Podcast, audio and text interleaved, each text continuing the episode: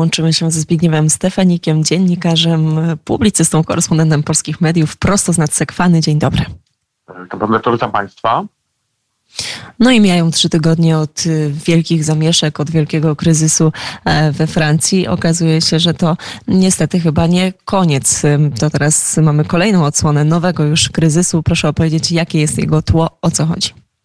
Tak, faktycznie ponieważ y, mamy mało czasu, tak więc tutaj prze, przedstawię e, główne tak naprawdę problemy, jednakże i tych, których to interesuje, zapraszam na swój kanał YouTube, o czym e, mówię tam o kryzysie dość obszernie i o tym, co dzieje się we Francji. Tak więc zachęcam Państwa do, do wysłuchania tego komentarza. Natomiast e, co do Pani pytania, jeśli chodzi o wydarzenia, które mają miejsce obecnie, a więc e, po sprawie Nachela, czyli to jest ta sprawa, która doprowadziła do zamieszek, e, mamy nową sprawę, czyli sprawę Ediego. E, a więc e, w nocy z 1 na 2 lipca tego roku e, Edi, 21-letni mężczyzna, wracał, jak sam twierdzi, z imprezy ze, ze znajomymi i został de facto zatrzymany, a następnie pobity przez czterech policjantów, o czym świadczą dowody. Sam Eddie doznał dość dużych obrażeń, między innymi szczęki, jak również oka. E, a więc e, tych czterech policjantów postawiono w stan oskarżenia, czy najpierw ich zatrzymano, potem postawiono w stan oskarżenia w związku z nadużyciem siły i interrogatyw policyjnych. E, zatrzymanie jednego z nich, ponieważ czterech zostało zatrzymanych, a jeden został aresztowany, a więc e, aresztowanie policjanta e, z Marsylii doprowadziło do protestów, wręcz do strajków e, policji marsylijskiej. Policjanci protestują przeciwko temu, iż ich kolega został osadzony de facto w areszcie do procesu. Jest to dość nowa sytuacja we Francji, ponieważ jak dotychczas, kiedy dochodziło do jakichś sytuacji niejasnych i policjanci byli oskarżani o nieprawidłowości, to wówczas czekali oni na proces albo na urlopach, albo zwyczajnie wykonując swoje obowiązki, tak więc dość, dość duża zmiana. Jednakże kryzys rozpoczął się, kiedy to dyrektor generalny Policji Państwowej, to jest odpowiednik polskiego komendanta głównego e, Frédéric W., powiedział, że aresztowanie policjanta spędza mu sens powiek i w jego opinii policjant E, który nawet jest oskarżony o jakieś błędy podczas wykonywania swoich obowiązków, nie powinien przebywać w areszcie ani w więzieniu do momentu swojego procesu. Z dwoma wyjątkami, jeśli chodzi o korupcję, czy też o przejście na drugą stronę, czyli na stronę przestępczą, tylko te dwa wyjątki w jego opinii e, umożliwiałyby e, aresztowanie policjanta, ale w przypadku, kiedy są jakieś oskarżenia czy jakieś zarzuty, jeśli chodzi o jego pracę i czynności zawodowe, to tutaj nie powinno być mowy o więzieniu dla policjanta. Do tego głosu przyłączyły się związki zawodowe policyjne, które domagają się obecnie e, statusu specjalnego dla policjantów e, oskarżonych o jakieś nieprawidłowości.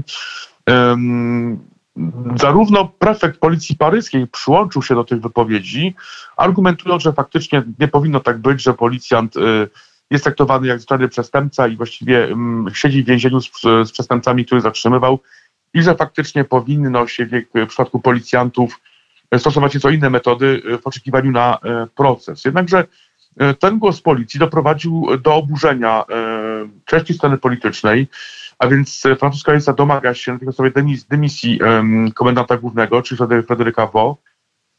Natomiast prawica apeluje, aby nie szkalowano policjantów, którzy no, stłumili zamieszki, jak również którzy pracują na rzecz bezpieczeństwa we Francji.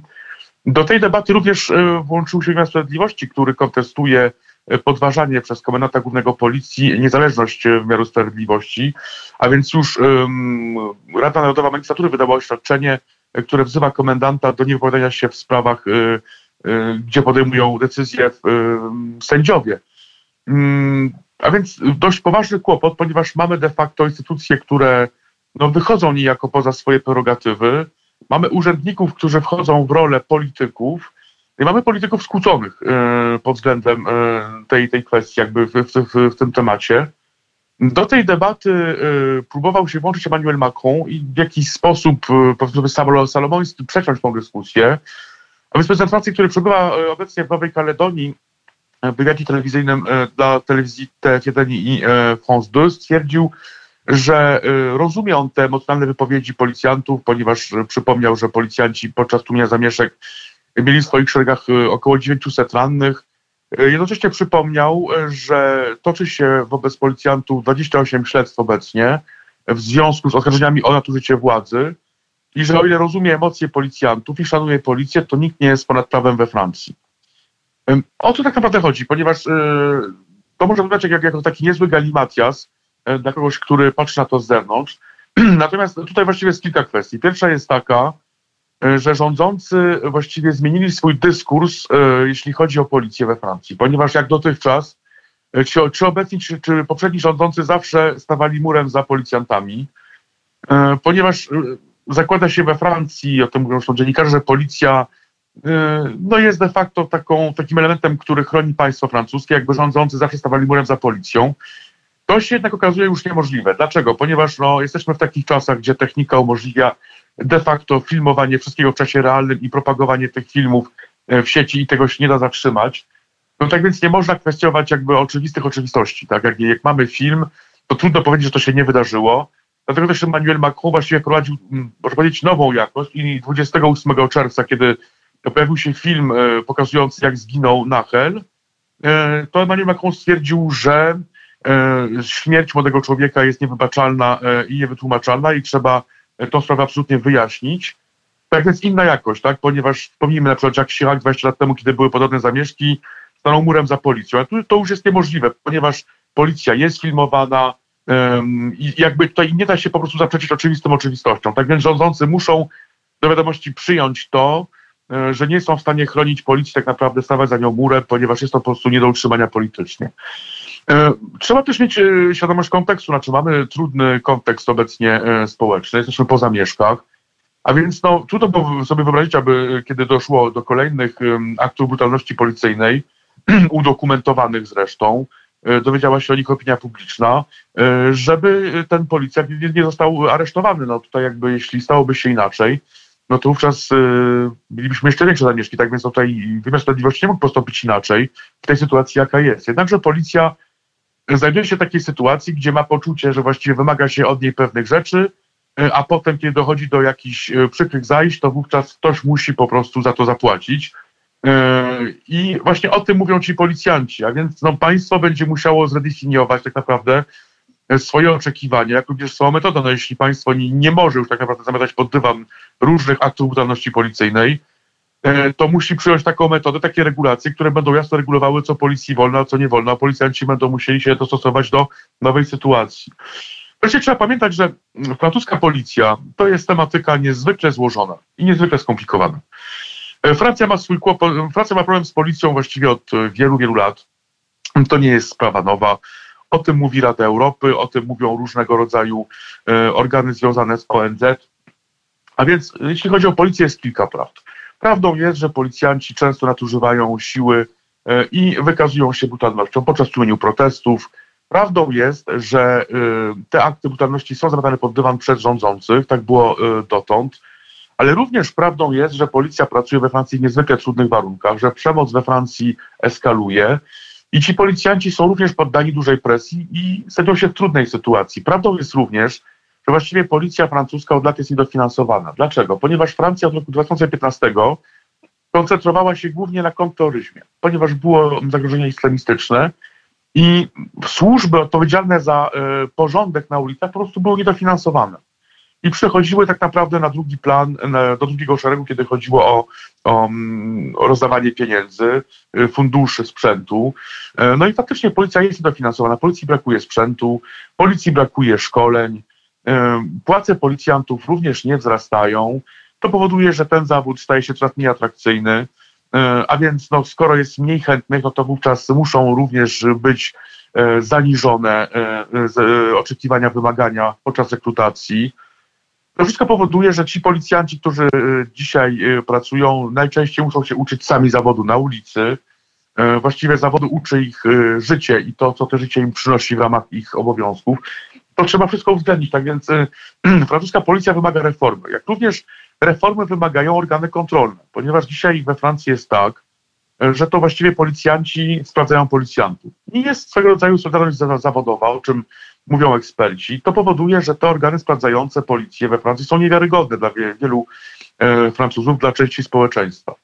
A więc no, z pewnością musi powstać jakiś organ kontrolny policji, którego to raporty, analizy spotkałyby się z wiarygodnością, były, cieszyłyby się zaufaniem społeczeństwa, tak na razie nie jest. Tak więc Francja musi podjąć się reformy swojej policji. Jest to reforma skomplikowana, będzie to reforma droga, kosztowna finansowo, e, ale jest to konieczne, jeśli Francja faktycznie chce podjąć się konkretnej reformy e, kłopotów społecznych, które w Francji się obecnie pojawiają.